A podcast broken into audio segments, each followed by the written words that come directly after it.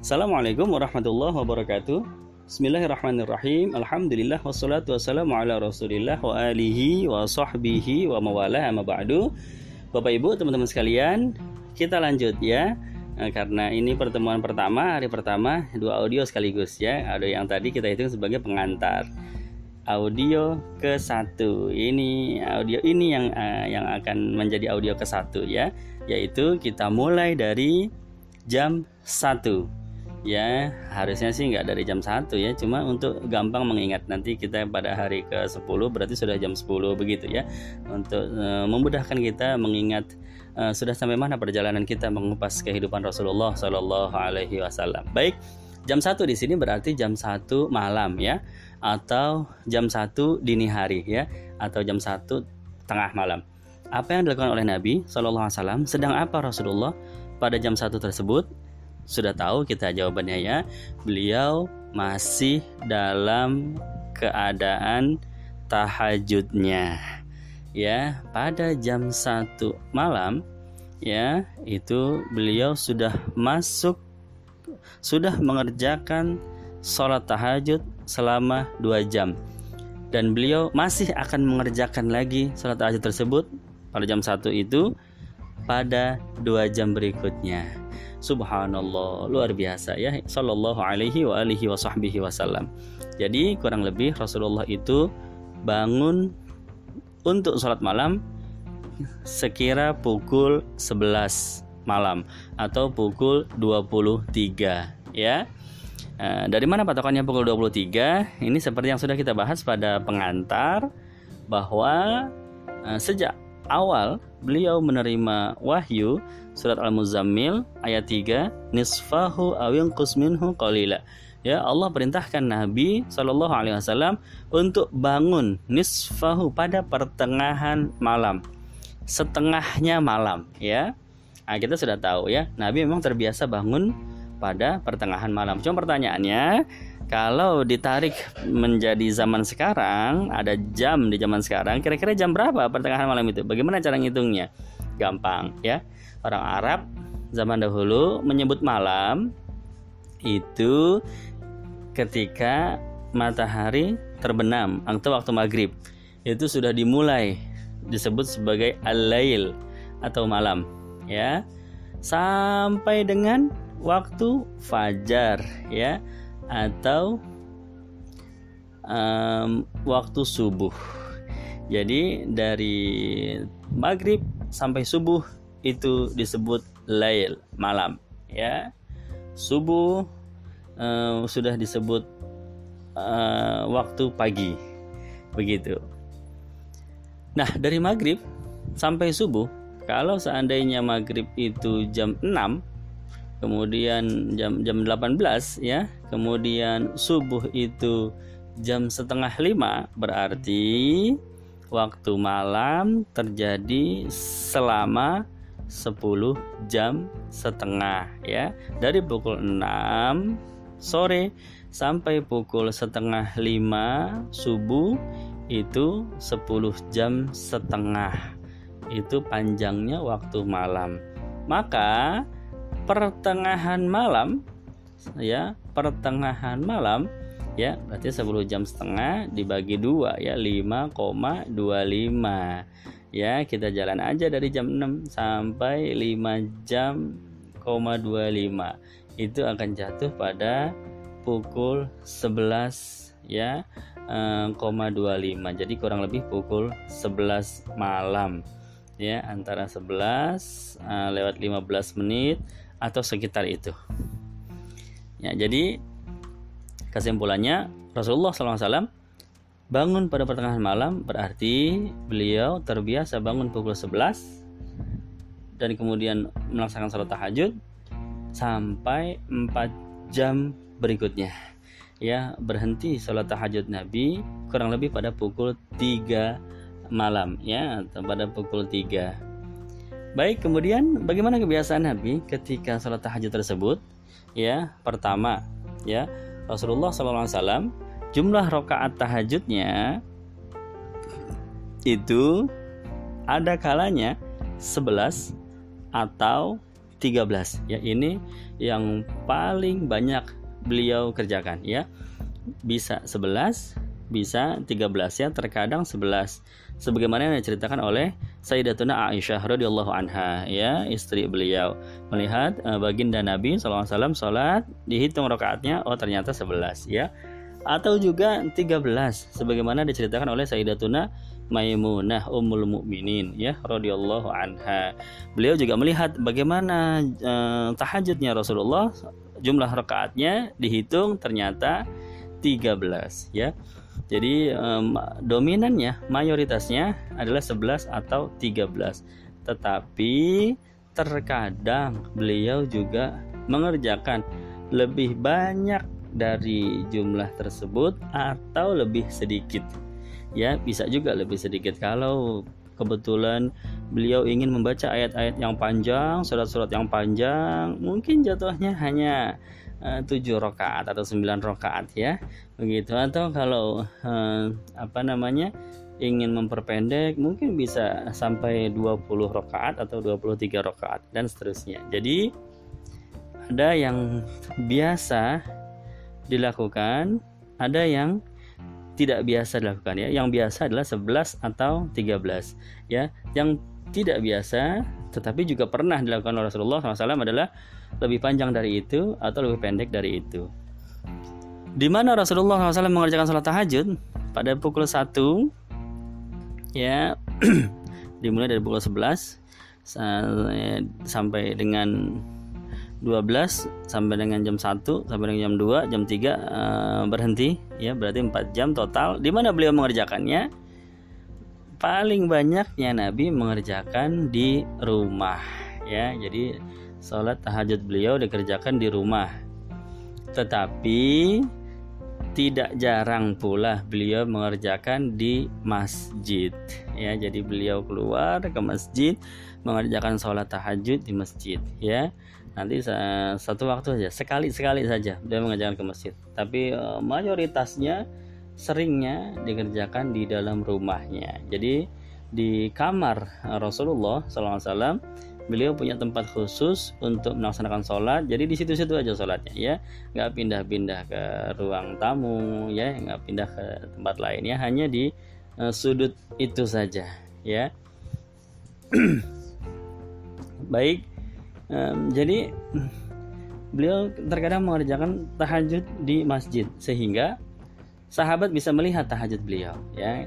Sahabat-sahabat Rasulullah SAW ya malam juga mereka melakukan sholat tahajud ya. Mereka juga mengerjakan di rumah atau di masjid ya. Nah kalau kebetulan sama-sama di masjid ketemu dong sama Nabi ya maka mereka bisa melihat bagaimana sholatnya Nabi. Nah dari situlah banyak hadis yang menceritakan sahabat yang melihat tahajudnya Rasulullah SAW itu berarti Nabi sedang tahajud di masjid ya. Tapi umumnya adalah di rumah ya. Maka uh, lebih banyak lagi uh, riwayat dari istri-istri Rasulullah dari Ummul Mukminin yang menceritakan tentang tahajudnya baginda Nabi Muhammad Shallallahu Alaihi Wasallam ya. Jadi jumlah rakaatnya seperti itu tempatnya juga demikian. Bagaimana caranya? Kebiasaannya Rasulullah SAW itu kalau sholat tahajud pasti ya selalu dimulai dengan dua rakaat yang ringan ya. Dua rakaat yang ringan. Jadi apa artinya? Artinya sholat pada rakaat pertama hanya membaca fatihah saja kemudian ruku ya. Rukunya juga singkat kemudian tidak sujud ya. Rakaat kedua juga hanya membaca fatihah saja kemudian ruku. Ini disebut dua rakaat yang ringan ya. Rakaat ini khafifatain ya dua rakaat yang ringan. Itu selalu bangun tidur tidak langsung mengerjakan dua rakaat yang panjang. Pasti dibuka dengan dua rakaat yang ringan. Dan kemudian selalu diakhiri dengan satu rakaat sholat witir atau tiga rakaat sholat witir ya. Jadi terkadang satu terkadang tiga ya. Jadi selalu dibuka dengan dua rakaat dan selalu diakhiri dengan satu atau tiga ya. Baik ambil saja tiga lah contohnya ya. Maka paket tahajudnya Nabi itu pasti lebih dari lima ya. Karena pembukaannya dua penutupannya tiga ya. Maka tahajudnya intinya ya kalau intinya dua saja berarti minimal tujuh rakaat tahajudnya Rasulullah SAW ya. Dua dua tiga tujuh ya. Kalau ya, intinya dua. Kalau intinya empat rakaat berarti dua empat tiga ya sembilan dan seterusnya. Seperti itu. Jadi um, kebiasaan Nabi SAW ketika sholat tahajud seperti itu ya. Setelah dua rakaat ringan barulah beliau mengerjakan dua rakaat yang panjang ya. Bayangkan durasi 4 jam durasi 4 jam ya dari jam 11 malam hingga pukul 3 4 jam. Kalau seandainya beliau mengerjakan tahajud pada saat itu 9 rakaat. Berarti dua yang ringan tiga sebagai penutup ya tiganya juga ringan ya salat witirnya penutup. Maka intinya inti tahajudnya ada empat empat rakaat yang dikerjakan selama empat jam. Maka satu rakaat beliau bisa berdiri sepanjang satu jam subhanallah. Ya ini panjang sekali bacaan uh, surat yang dibaca oleh Rasulullah SAW ya. Rakaat pertama selesai fatihah baca al-baqarah. Rakaat kedua selesai fatihah baca Ali Imran rakaat ketiga ya kemudian salam. Kemudian bangun lagi beliau. Ya, rakaat ketiga membaca uh, Al-Maidah. Rakaat keempat membaca An-Nisa. Subhanallah. Ya maka ketika Sayyidah Aisyah radhiyallahu anha melihat uh, panjangnya salat Rasulullah sallallahu alaihi wasallam dan uh, beliau melihat bengkak kedua kakinya baginda Nabi ya karena sholatnya panjang seperti itu maka Aisyah bertanya Ya, kepada Rasulullah SAW ya wahai Rasulullah lima tasna'u hadha ya Rasulullah wa qad ghufira laka ma taqaddama min dzambika wa ma ta'akhkhar ya apa harus seperti ini ya Nabi padahal engkau sudah diampuni dosa-dosamu yang sebelumnya maupun yang setelahnya Qala sallallahu alaihi wasallam afala akunu abdan syakura. Ya, maka Nabi menjawab, apa tidak boleh aku menjadi hamba yang bersyukur? Baik Bapak Ibu sekalian, ya, ini jadi bagaimana sifat tahajudnya Nabi. Dan dari hadis ini ada hikmahnya yang luar biasa indah sekali ya. Ketika Sayyidah Aisyah bertanya seperti itu, jadi maksud pertanyaannya adalah Wahai Rasulullah, kenapa ha harus seperti ini tahajudnya? Harus panjang sekali padahal dosa-dosamu sudah diampuni. Artinya engkau wahai Rasul bukan dalam keadaan sedang memohon. Ya, bukan dalam posisi ya sedang memohon ya. Memohon seperti orang yang memohon dosanya dimaafkan. Bukan ya. Dosanya sudah diampuni jadi uh, bukan untuk memohon. Eh, seandainya ya dalam posisi orang yang sedang punya permohonan kepada Allah ya bolehlah panjang kayak begitu. Gitu maksudnya Sayyidatuna Aisyah begitu ya. Ya kalau orang yang lagi punya keinginan orang yang lagi punya permohonan ya pantaslah panjang kayak begitu. Tapi kan engkau nggak punya ya Rasulullah. Dosa-dosamu sudah diampuni yang engkau sudah enggak lagi memohon agar dimaafkan dosanya lalu mengapa tetap seperti ini? Begitu maksud pertanyaannya. Uh, Sayyidatuna Aisyah. Maka dijawab oleh Rasulullah Shallallahu Alaihi Wasallam afala akulu abdan syakura? Ya wahai Aisyah panjang sholat ini memang bukan sebagai hamba yang sedang memohon, melainkan sebagai hamba yang sedang bersyukur. Ya, ini jawabannya indah sekali bahwa ternyata justru dibalik pengertiannya pema apa yang difahami oleh Sayyidatuna Aisyah itu dibalik oleh Rasulullah SAW bahwa ya kalau sedang memohon kita mengerjakan ibadah yang panjang maka ketika kita sedang bersyukur harusnya lebih panjang lagi begitu ya.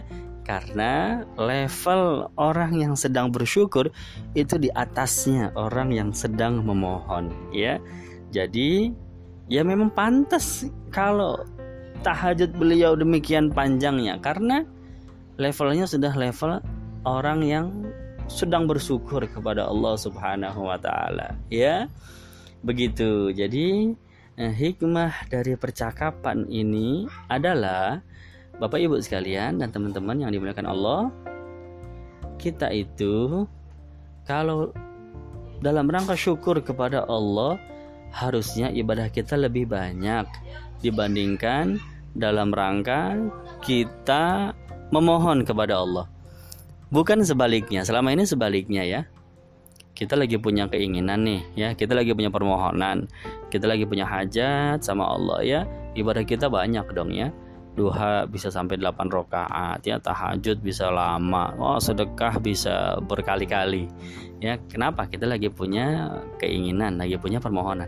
Tapi begitu keinginan tersebut diberikan oleh Allah begitu permohonan kita dijawab oleh Allah ya berarti kita bersyukur dong ya.